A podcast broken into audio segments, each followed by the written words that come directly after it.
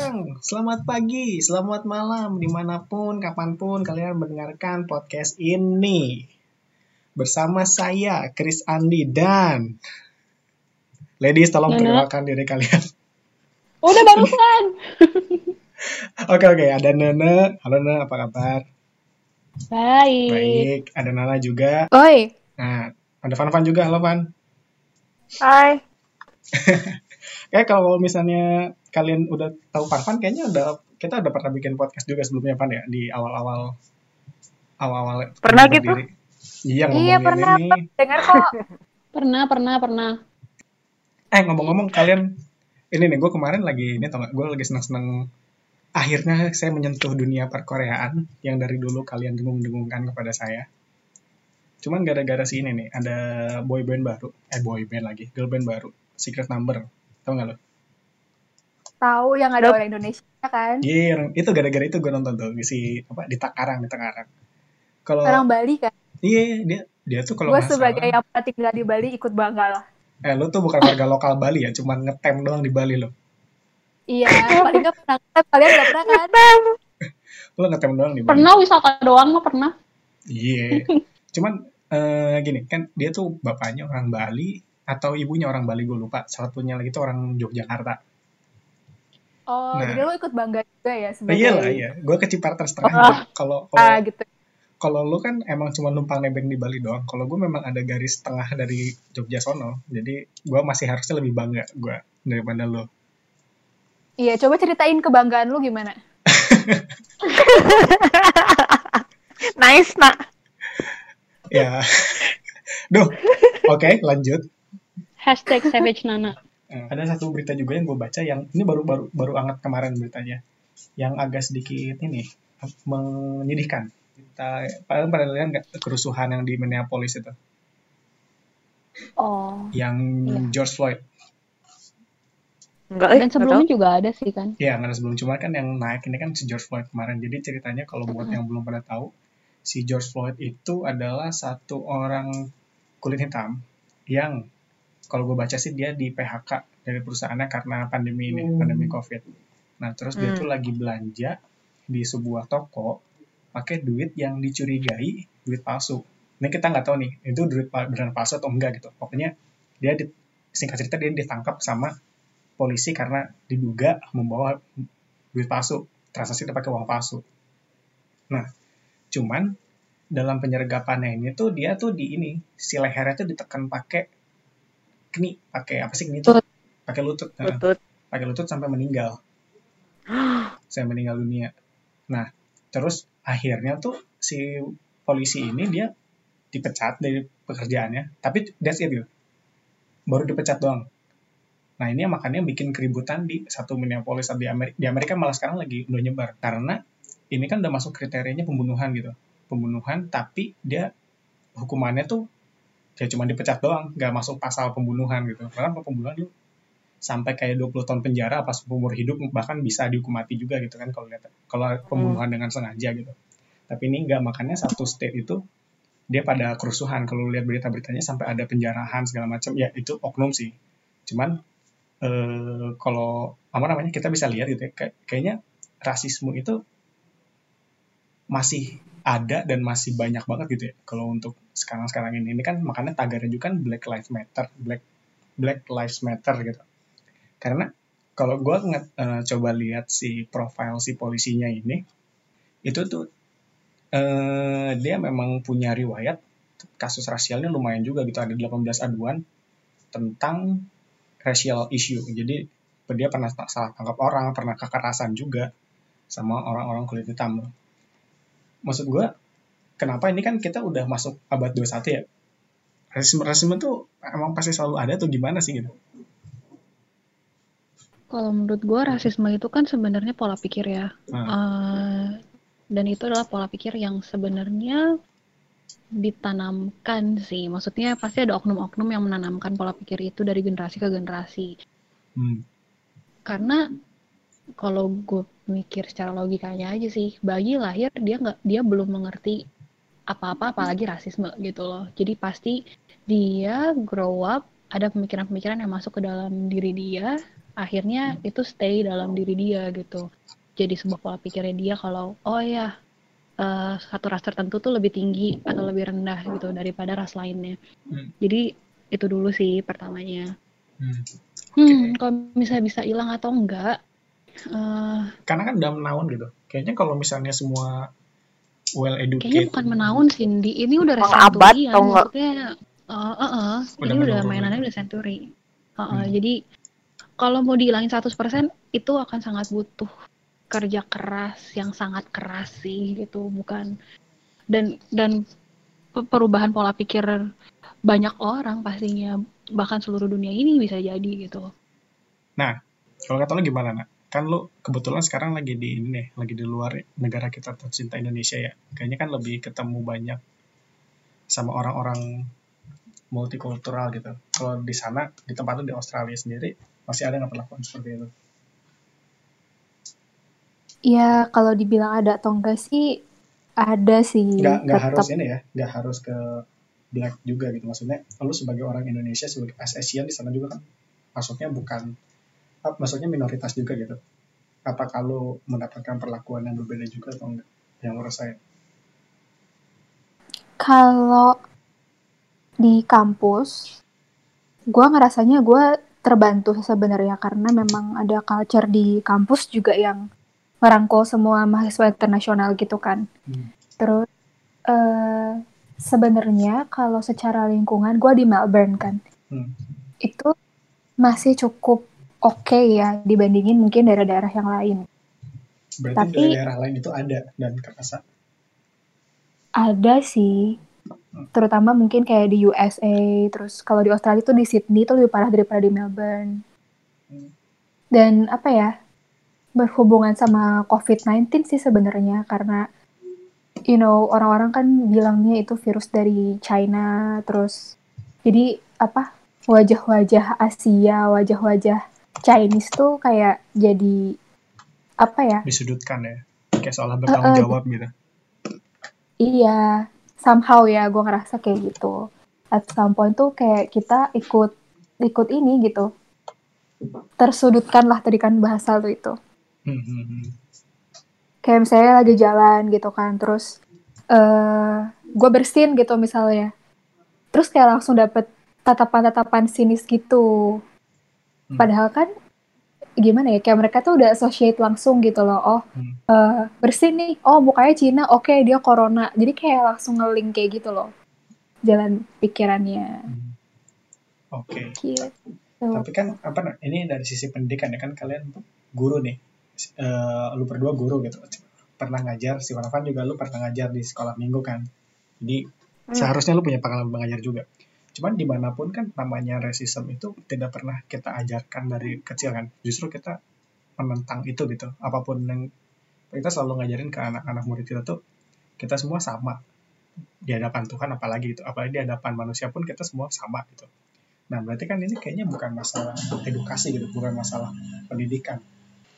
Tunggu bentar, gue cuma mau intervensi doang. Kalau misalnya lu tadi ngomong masalah edukasi ya, Hmm. kalau gue sih sebenarnya lebih ke gini. It- apakah ini masalah edukasi atau bukan? Iya, ini masalah edukasi karena Oh, oke.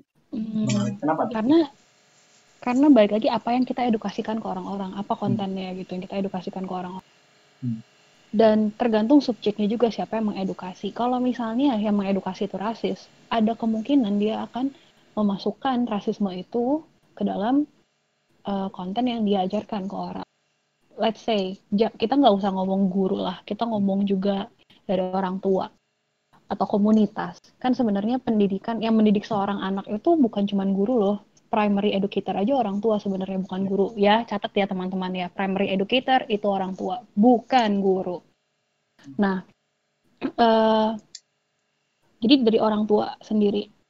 Terus community juga berpengaruh. Kok di community yang kayak gimana dia tumbuhnya? Kalau misalnya dia tumbuh di community yang pamannya, bibinya, tetangganya itu eh, mensuperiorkan ras tertentu, ya udah pasti dia juga terbentuk untuk memiliki rasisme itu dalam diri dia. Jadi kalau misalnya eh, kita ngomongin edukasi, kita sih sebagai educator, kalau spesifik ngomong kita doang ya, Nana, gue, Fan-Fan yang ngajar sekolah minggu gitu, kita pastinya nggak mau lah ngajarin eh, rasisme ke anak-anak dan bahkan kita Bahkan secara aturan pun gitu kan. Iya, bahkan ada Oh aturan lah. untuk tidak boleh gitu, tidak boleh gitu. Cuman kalau misalnya si anak itu tumbuh di sebuah komunitas yang seperti apa, di keluarga yang seperti apa, educator-educator yang di sekitar anak itu seperti apa, ya bisa aja masuk gitu. Gue tuh pernah baca, jadi kayak eh, apa ya, papernya seseorang gitu. Hmm. Sebenarnya ras tuh sesuatu yang diciptakan oleh orang gitu. Jadi it's a false classification dia bilang. Hmm. Eh, karena sebenarnya itu just a political construction dia bilang di papernya itu. Karena memang ya gue pikir iya bener juga sih. Dulunya sok zaman dulu dari zaman dulu rasanya kita nggak membeda-bedakan orang sesuai dengan dia kelahiran mana kek atau dari kulit yang seperti apa gitu dengan mata yang segede apa. Kan dulu kita nggak membeda-bedakan itu kan? Cuma berhubung misalkan orang ada suatu kelompok yang punya kepentingan politik tertentu misalnya merasa lebih berkuasa atau merasa lebih kaya merasa mm, orang lain lebih rendah dari dia gitu. Cara dari orang dari kelompok tersebut membedakan komunitas dia dengan orang lain caranya yang paling mudah dengan lihat fisik. Ya nggak? Mengklasifikasikannya begitu ya. Da- yang paling mudah dong, yang paling kelihatan karena kan lihat fisik kan. Jadi dia memandang orang-orang yang seperti itu, misalnya yang kulit hitam juga semuanya itu lebih rendah dari dia gitu. Makanya kenapa ada white supremacist dan lain sebagainya. Hmm. Itu itu terbawa sampai sekarang. Benar kata Nene. Eh, Na- Nene Nana tadi tuh yang ngomong. Aja nggak tahu kan. Tadi ngomong. Eh, iya, eh, itu teh apa pola pikir sih sebenarnya. Kayak kita pernah pernah lihat nggak sih yang di internet ada cerita anak kecil bule pirang gitu.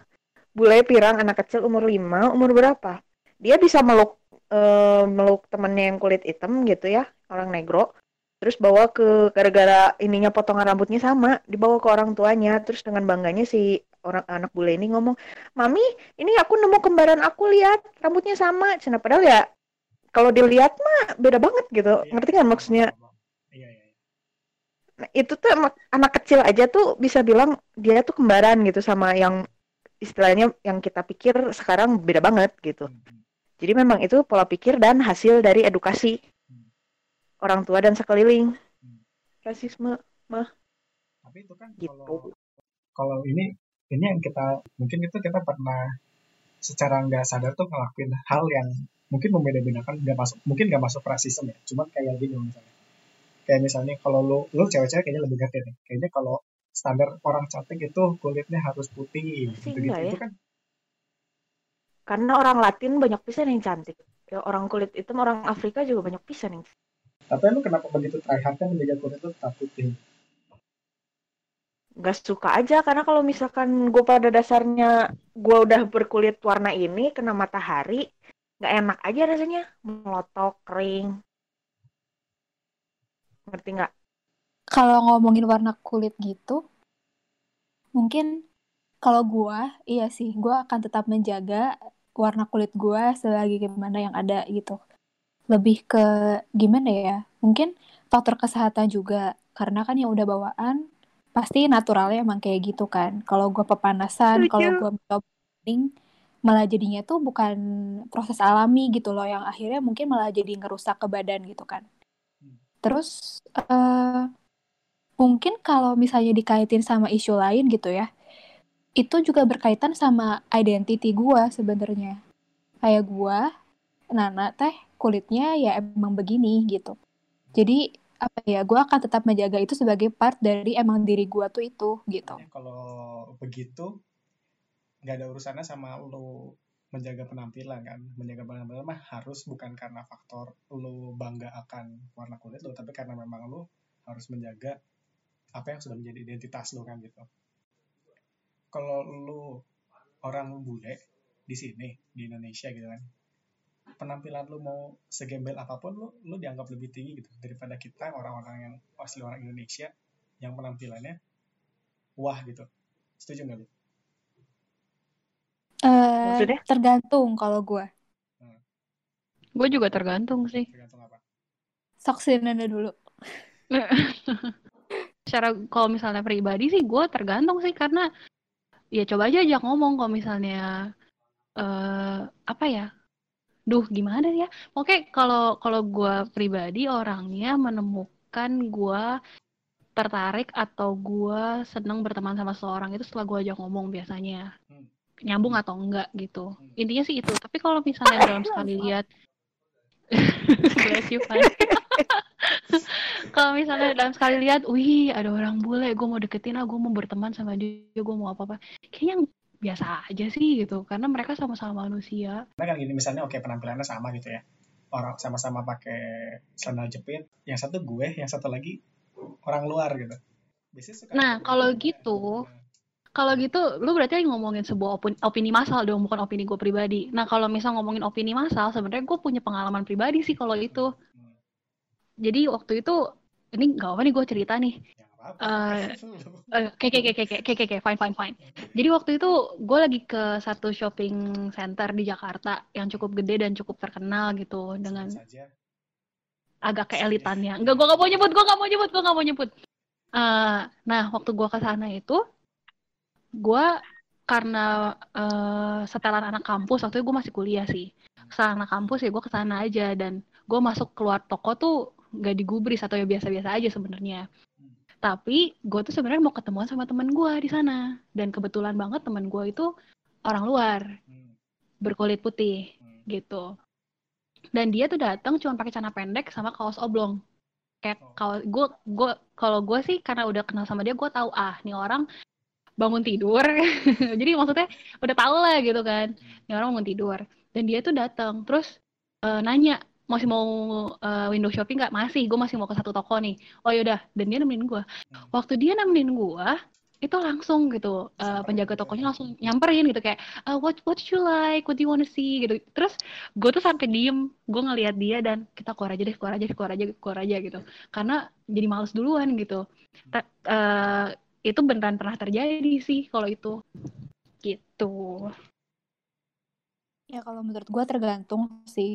Eh, kalau ngomongin Indonesia secara umum ya, menu, eh, dari pengalaman gue sih memang eh kenapa? Dengar nggak? Iya kedengeran. Oh, iya memang kalau secara umum sih biasanya kalau orang asing gitu kan di Indo, terutama mungkin ya seringnya bule kali ya, pas gue di Bali gitu juga, memang mereka dilihatnya superior gitu dibandingin warga lokal. Kalau alasannya gue nggak tahu sih, mungkin karena memang kita tuh udah terbiasa gitu ngelihat mereka itu di atas kita gitu. Dari zaman penjajahan gitu juga kan, kayak mereka tuh memang di atas kita gitu seolah-olah posisinya. Terus mungkin kalau ditarik ke zaman sekarang juga kayak negara-negara yang misalnya ya yang mayoritas penduduknya berkulit putih, yang berbahasa Inggris tuh memang lebih maju lah gitu kan daripada Indonesia gitu. Jadi mungkin mereka memang di-treat beda gitu kan, kayak lebih spesial. Cuman kalau menurut gue tergantung ya karena ya ada juga masyarakat Indonesia tuh ya udah eh, teredukasi gitu loh. Jadi eh gak semua orang bule itu eh apa ya istilahnya ya di-treat sespesial itulah gitu. Contoh misalnya pas gue di Bali, kan Bali banyak bulenya lah ya, banyak eh, banyak turis-turis asing gitu.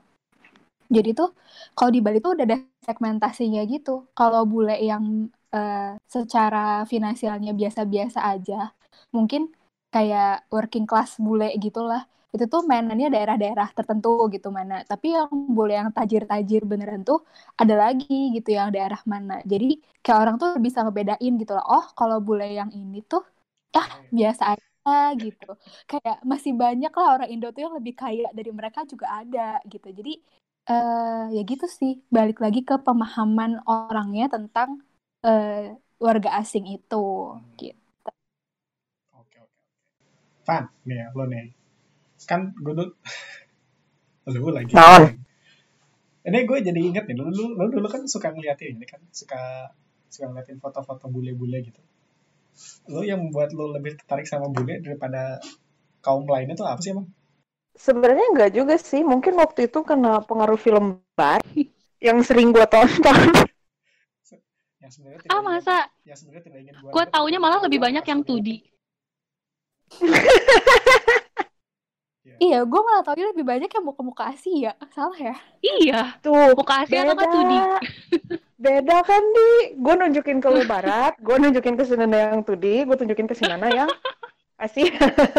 baca, kalau menurut gue sih ya, gue sendiri ngerasain gini nih. Di saat gue banyak baca novel dari Barat, misalnya yang bahasa Inggris, yang tentunya tokoh-tokohnya juga orang-orang bule, dan gue menonton film-film yang seperti itu, macam CSI, dan apa yang isinya semua pastinya bule, kan Hmm.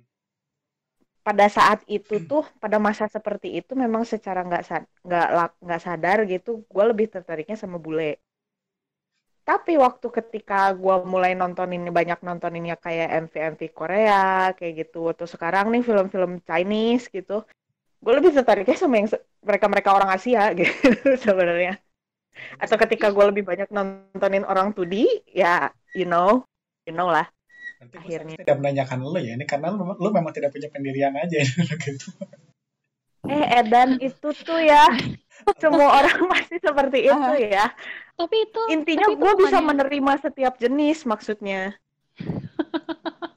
kami gue harusnya lu lihat dari sisi seperti itu men Tapi itu sebenarnya masalah selera nggak sih? Karena eh gue kan punya teman juga nih di sini dan dia kulit putih gitu.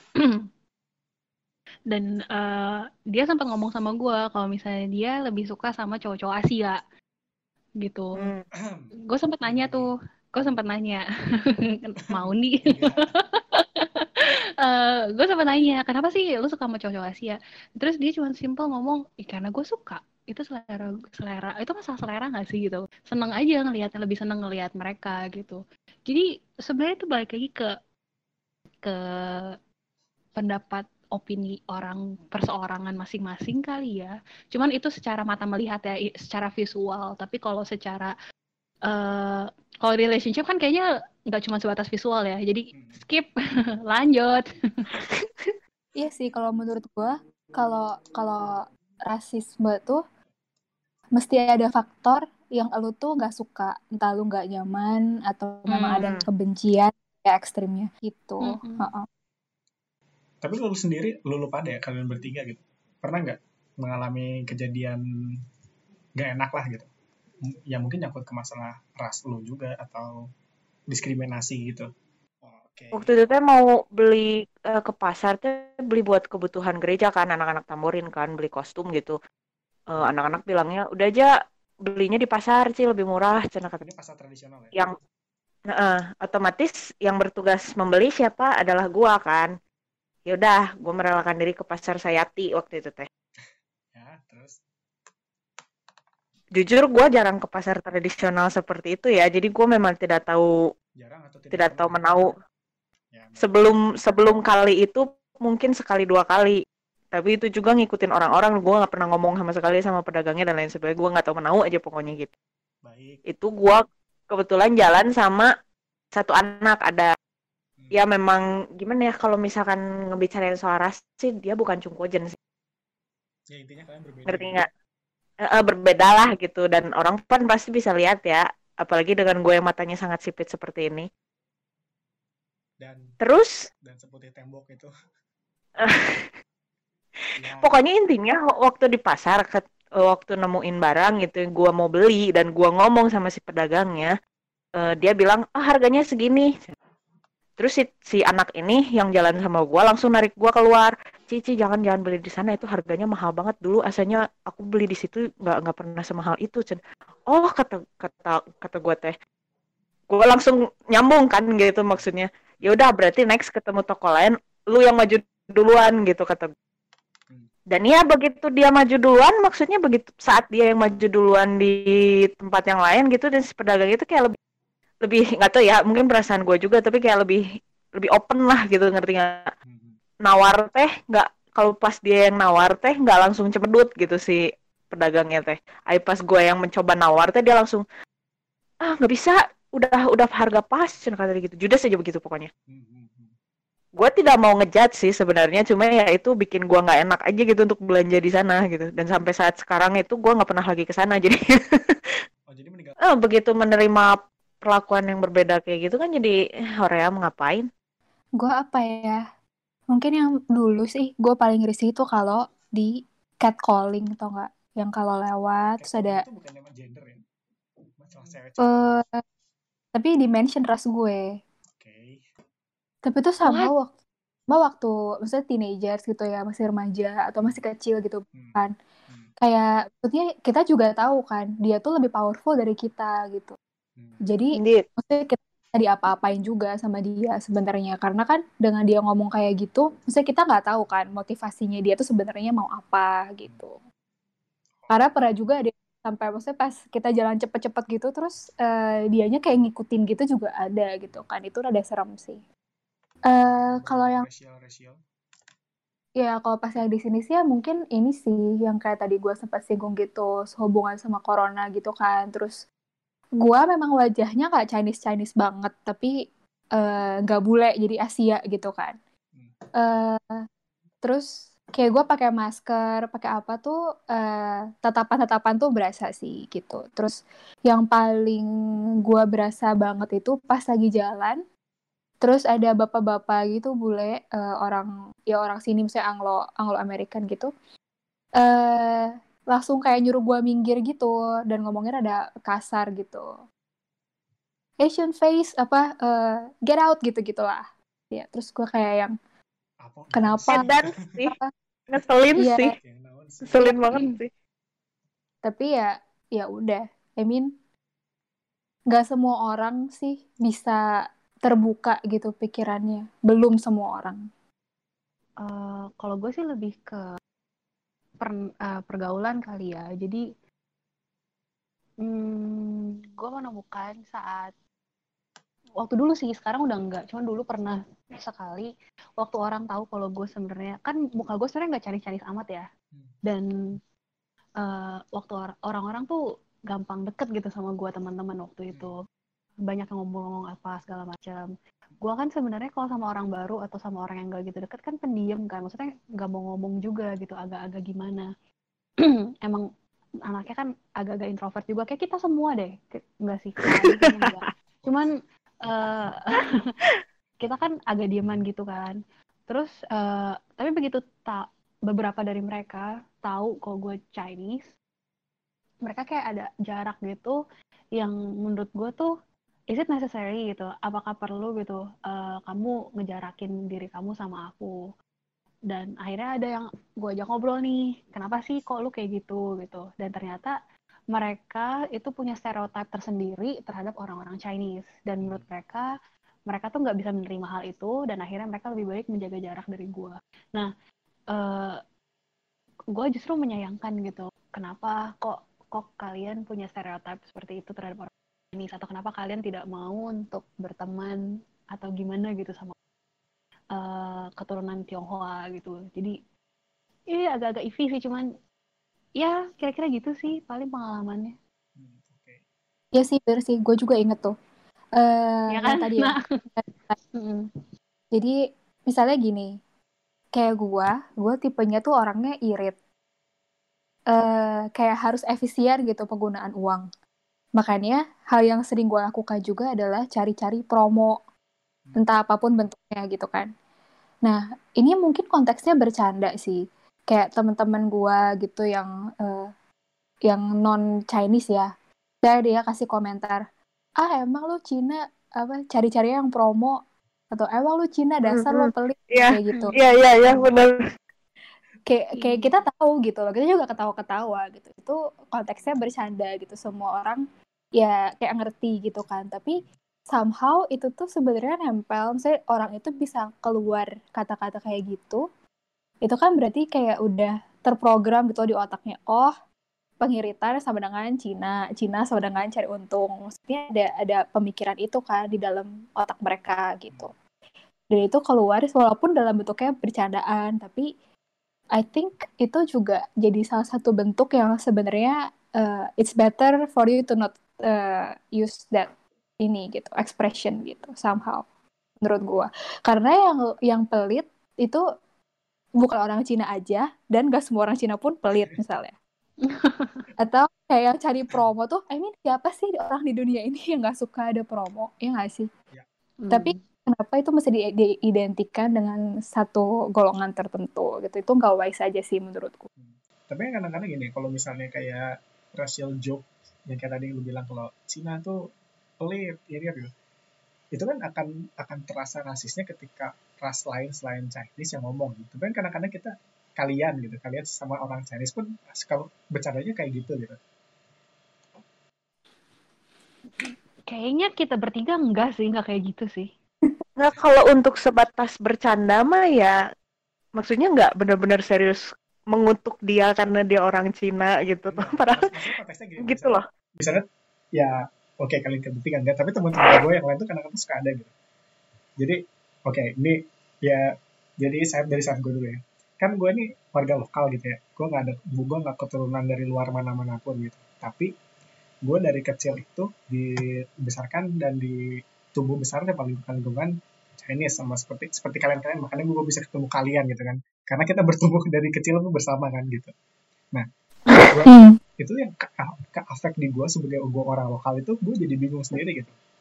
Karena gue tumbuh di lingkungan yang di lingkungan yang berbeda dengan asal gue dan mengubah pola pikir gue tuh seperti pola pikir eh, tradisi kalian gitu. Tradisi orang-orang Chinese lebih tepatnya. Karena ya lingkungan gue seperti itu gitu. Jadi gue kalau masuk ke rumah orang tuh gue otomatis kalau lihat kalau lihat kakaknya atau adiknya tuh kok ci. Kalau lihat kalau ada ketemu siapa orang tuanya atau neneknya tuh gue tuh gak manggil kak- gak manggil apa namanya nenek kakek. Gue gak manggil nenek kakek juga sih. Eyang gitu enggak gitu. Jadi misalnya manggilnya kungkung gue ikutan manggil kungkung gitu. Nah eh, ketika gue SMA kan gue ke sekolah negeri tuh. Gue keluar dari lingkungan yang biasa gue ada ke lingkungan yang sebenarnya itu lingkungan gue karena kalau di sekolah sekolah negeri itu kan justru orang asli Indonesia orang Indonesia sorry nggak asli sih. Tapi orang Indonesia kan di situ gitu. Nah gue justru merasakan ada cultural gap di situ gitu. Kenapa? Pemikiran gue sama mereka tuh beda. Padahal gue sama mereka yang sama gitu. Jadi mungkin eh, apa ya ya bener juga sih lingkungan tuh mempengaruhi begitu banyak aspek juga sih dalam cara pola pikir lo dalam cara lo melihat situasi seperti apa. Makanya gue kadang-kadang suka bentrok gitu. Ketika ada orang-orang Chinese yang ngomong ada oknum nggak nggak semua orang Chinese ya. Mungkin ada beberapa oknum Chinese juga ngomong orang orang pribumi itu gini kurang gini gini gini gini gini. Sedangkan gue nggak melihat itu gitu. Sama juga ketika orang sesama orang pribumi juga yang ngomong ah orang Chinese atau orang ras ini mah pasti kayak gini gini gini gini. Sedangkan gue tuh nggak melihat itu gitu karena gue pernah berada lingkungan it- yang mereka mungkin nggak pernah ada gitu itu aja sih kalau dari pengalaman gue ya. Tapi itu jadi ngaruhnya karena ke cara sudut pandang gue gitu. Karena gue jadi merasa gue nggak percaya diri aja gitu. Pada awalnya dulu pada awalnya gitu. Karena gue merasa da- berbeda dari lahir gitu. Itu yang makanya gue tadi di saat di awal gue sebut ada beberapa hal yang nggak bisa lu hindarin salah satunya racial ini gitu. Gue nggak bisa lahir gue nggak bisa minta kenapa gue lahir di ras ini.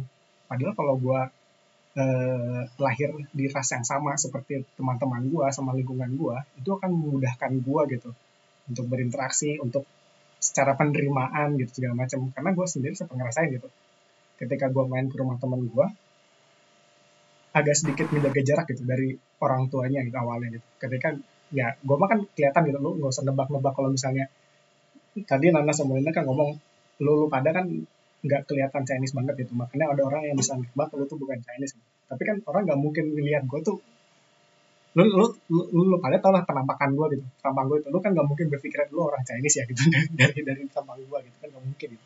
Nah itu gue gue dulu merasakan ada kayak apa ya kayak bukan penolakan tapi ada perbe- perbedaan perlakuan aja gitu yang gue rasain gitu. Jadi itu ya karena gue dulu kecilnya di lingkungan seperti itu itu yang mungkin membuat gue sulit untuk mendapatkan kepercayaan diri pada awalnya gitu oh ternyata gue tuh beda ya gue tuh nggak bisa dianggap sama kayak orang lain gitu Hmm, gue kalau misalnya tadi ya statement lu terakhir gitu ya, kita tuh nggak bisa memperlakukan orang lain sama.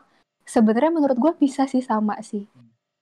Iya, maksudnya kalau depend on sikap dia sih sebenarnya itu udah kalau menurut gue sih ya? udah kayak udah basic gitu istilahnya kayak golden rule gitu kan. Lu pasti dapat perlakuan sesuai dengan apa yang lo lakuin ke orang lain gitu kayak lo diri orang lo juga harus respect, respect orang lain dulu gitu. Tapi uh, kalau menurut gue sih memang kita tuh beda. Kita tuh diciptain gak, uh, gak ada yang sama gitu kan. Even rasnya sama pun kita tuh tetap beda gitu. Jadi memang perbedaan itu inevitable. kita nggak bisa uh, itu tidak terhindarkan gitu. Tapi apa yang kita lakukan dengan perbedaan itu gitu itu yang jadi matters gitu. Nah kalau misalnya emang dalam perjalanan hidup kita gitu. Terus uh, sepanjang sejarah ada perlakuan-perlakuan yang eh, nggak uh, baik gitulah ya yang dilakukan satu golongan terhadap golongan yang lain ya sekarang di tangan kita sih sebenarnya gitu. Kita mau tetap nerusin legacy itu atau memang kita mau uh, ya ubah gitu kan. D mulai dari kita dulu sendiri gitu. Gimana caranya kita berrelasi sama orang yang mungkin uh, beda gitu kan sama kita gitu sih kalau kalau menurut gua. Dan kalau misalnya uh, kayak invisible barrier gitu ya. Kayak gua ngerasa beda terus kayak gua jadinya susah buat fit in gitu. Itu emang jadi challenge juga sih. Tapi ya mungkin langkah pertama yang bisa dicoba gitu sih. Kayak kita mencoba mengerti gitu kan culture yang baru. Misalnya kayak tadi pengalaman lo sendiri gitu di yang kayak lo kalau main ke rumah temen lo, terus temen lo ini, let's say misalnya Chinese gitu kan, terus kayak lo manggil kakaknya pakai koko gitu kan.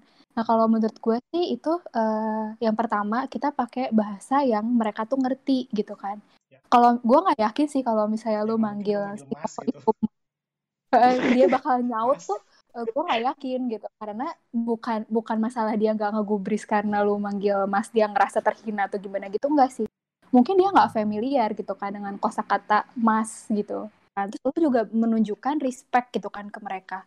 Kalau misalnya kayak gue di sini gitu kan gue manggil orang bule nggak pakai sir nggak pakai mister atau gimana gitu. Gue manggilnya uh, bapak gitu kan. Dia nggak ngerti terus kayak gue juga nggak ada effort untuk ngerti dia gitu kan gimana gue mau fit in gitu. Tapi kalau misalnya lu udah berusaha fit in lu udah kasih yang terbaik dan mencoba mengerti tapi mereka yang kayak nggak mau gitu kan lu masuk ke komunitasnya mereka ya berarti ada mindset yang belum berubah gitu kan dari mereka. And it's not your loss anyway gitu kalau menurut gue kalau misalnya emang mereka berubah uh, belum belum apa ya belum open minded ya ya oke okay, gitu. Mungkin mereka memang perlu lebih pos gitu sama kita tuh beda loh gitu.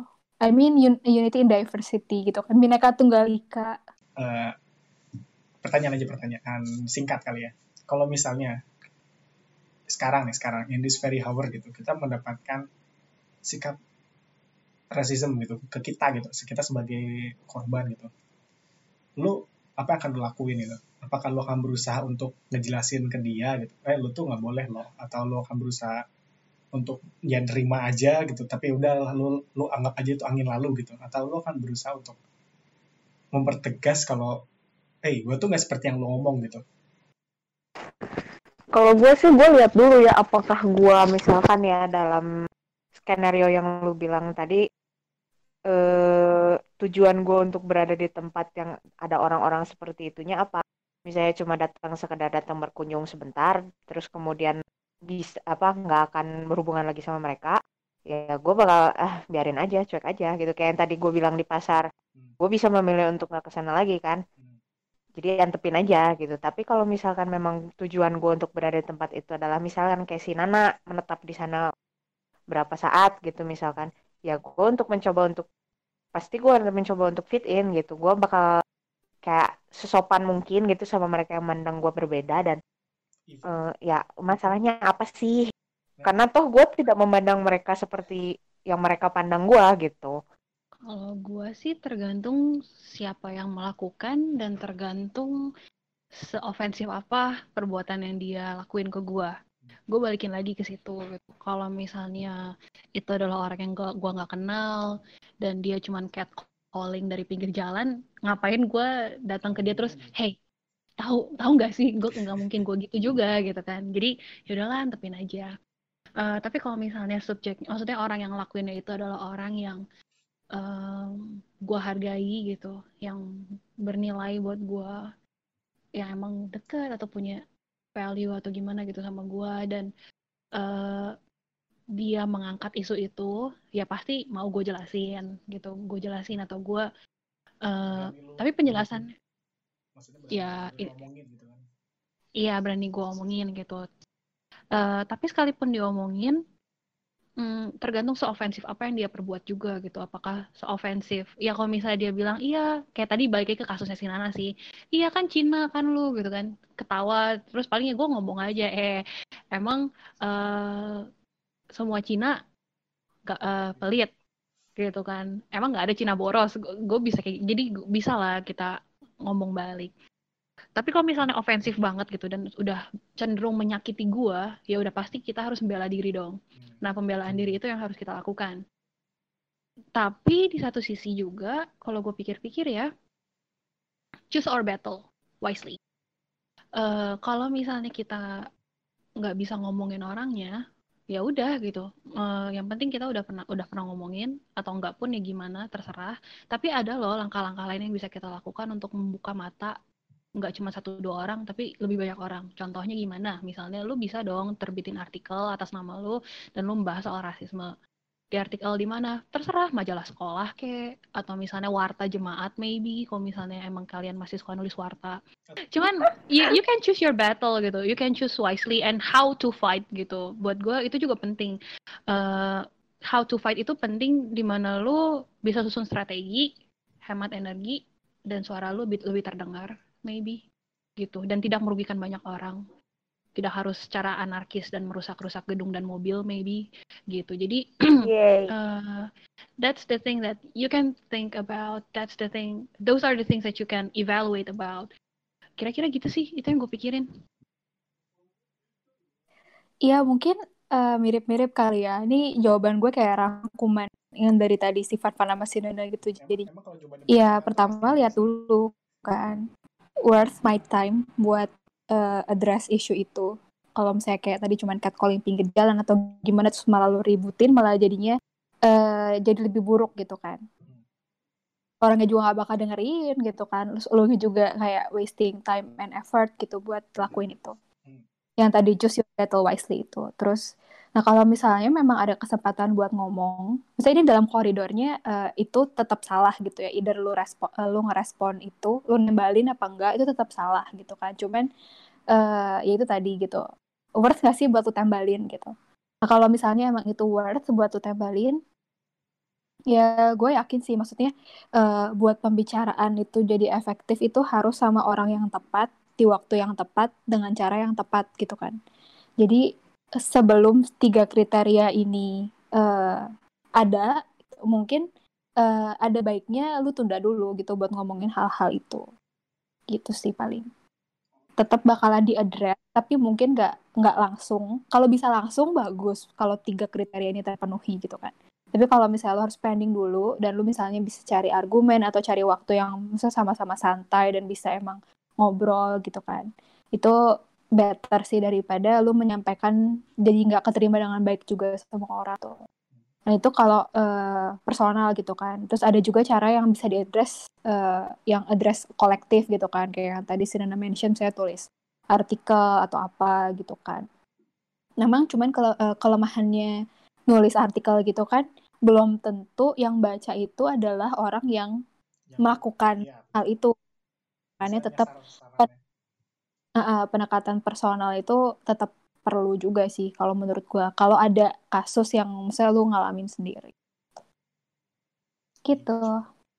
Oke, kayaknya untuk sekarang gitu dulu aja deh. Kayaknya kita masih harus ngobrol-ngobrol lagi ntar ya. Boleh, kapan? Iya, nanti lain, topiknya ganti. lain.